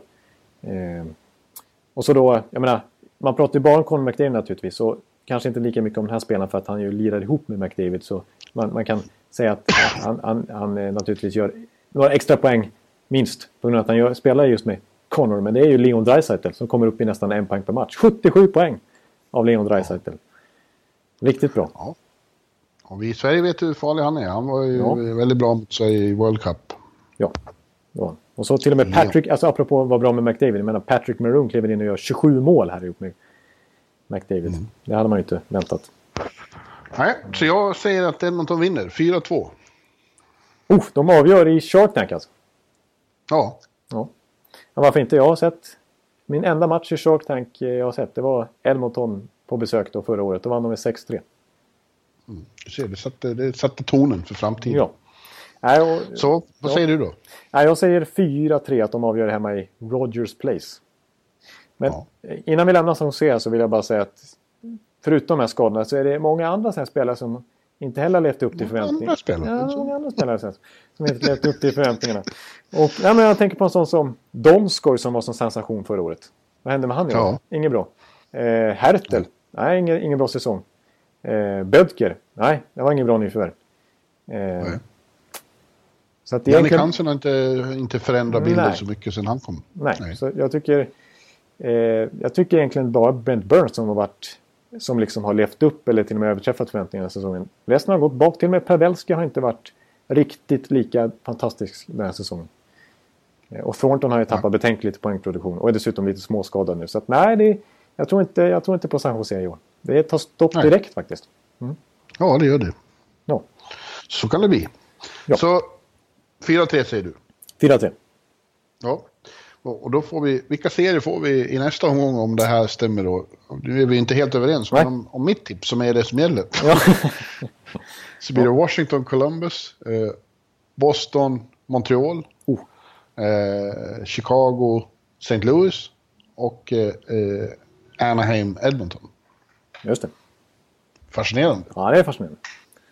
Men först ska vi se på det här och vad roligt det ska bli. Det ska bli helt fantastiskt trevligt. Natten till torsdag, första matcherna. Ja. Och du vet ju hur det är. Alltså första omgången är nästan mest spektakulär. För då, mm. längre fram i slutspelet, då, då har de liksom taggat ner sig lite mer sluga och så. Nu är alla så på tårna och bara exploderar i de här matcherna. Så det kan bli så jävla show. Alltså de är så, de är så uppumpade med, med, med, liksom, med dels med, med taktiska finesser. De har specialstuderat varandra extremt mycket inför de här serierna. Men det, det, det glömmer de bort när de väl kliver ut det. För när de får spela sin första slutspelsmatch nu på hur länge som helst. Då är det bara, ja. de bara kör. Ja. Det är bara kaos liksom. Så att, eh, ja. det, det och man har ingen aning redan så här på förhand några serier kommer att bli så här episka och det är de man kommer att följa. Man har ingen aning vilken det är, men det kommer att bli någon som blir så här krig. Ja. Absolut. Som häromåret ja. när, när plötsligt Montreal 8 var, var så fantastisk att följa. Ja, just det. Det var jättemycket konstiga grejer i den serien och små stories och ja. saker som dök upp oförutsett. Eh, Tänk dig bara det här. Det, det, här glömmer man liksom när man sitter och tänker på det. Oavgjorda matcher, då blir det riktig övertid liksom, som kan pågå hur länge som helst. Ja. Och det är, det är fan, ja, det är otroligt kul. Ja. Nej, det, ska, det, det, det, det här ska bli... Det här ska bli underbart. Även om mitt, mitt lag inte är med så ska det nästan bli skönt på ett sätt. Alltså, jag försöker se positivt. Det är ändå skönt att slippa den här fruktansvärt. För det är, det är en pina att heja på ett lag i slutspel. Det vill jag påstå ändå. Det är inte, det är, det är inte, roligt är inte rätt ord om man hejar på ett lag i ett slutspel. Det tycker inte jag i alla fall. Det är, det är man lider. Och sen är det en lättnad när man vinner. Och fruktansvärt när man förlorar. Man får känna att man lever. Ja, precis. Ja, men det är en extrem upplevelse. Det. Så att, ja. Eh, ja, nu är det dags. Nu är det dags. Och det blir inte mycket sova för dig då framöver. Nej, nu kommer man få kämpa här för att eh, se, ut, se anständig ut på dagarna när man ska träffa folk och så. Så är det. Ja. Men, ja, eh, men du, vi håller kontakten under det här racet och så nästa vecka så får vi ta oss an serien och titta igen vilka som är avgjorda och vilka som rullar vidare. Ja, det ska bli spännande och det kommer säkert ha hänt saker som vi inte varit i närheten på inne på i den här podden utan man vet ju aldrig vad, vad vi har framför oss. Nej, Förutom att det blir underbart. Yes. Ja, eh, jag önskar alla en underbar eh, playoff-vecka. Det tycker jag du gör rätt i. Du har mycket mer pondus när du säger det också. Det, din, din röst är bättre lämpad för att eh, avsluta en podd på det här viset. Ja, vad du smickrar. Ja, ja, men då säger vi, säger, du gör om du säger. Eh, jag önskar alla en eh, underbar playoff-vecka och säger adjö. Hallå, hallå, hallå. Hallå, hallå, hallå. Alex Chiazot, Joe Luis Arena och Esposito. Esposito. Uttalsproblem, men vi tjötar ändå. Och alla kan vara lugna, inspelningsknappen är på. Bjuder Hanna Kohl, han är grym i sin roll. Från Kållesoffan har han fullständig kontroll på det som händer och sker. Det blir ju allt fler som rattar in hans blogg. Och lyssna på hans podd. One, two, three, speed, so Hallå, hallå, hallå. One, two, three, speed, so Hallå, hallå, hallå. Ekeliv, som är ung och har driv. Verkar stor och stark och känns allmänt massiv. Han hejar på Tampa och älskar Hedman. Sjunger som Sinatra. Ja, och det ser man. Nu är det dags för refräng. Dags för magi, Victor Norén. Du är ett geni. Så stand up at home and remove your hats. Höj volym, för nu är det plats. One, two, three, speed, so Hallå, hallå, hallå. One, two, three, speed, so Hallå, hallå, hallå.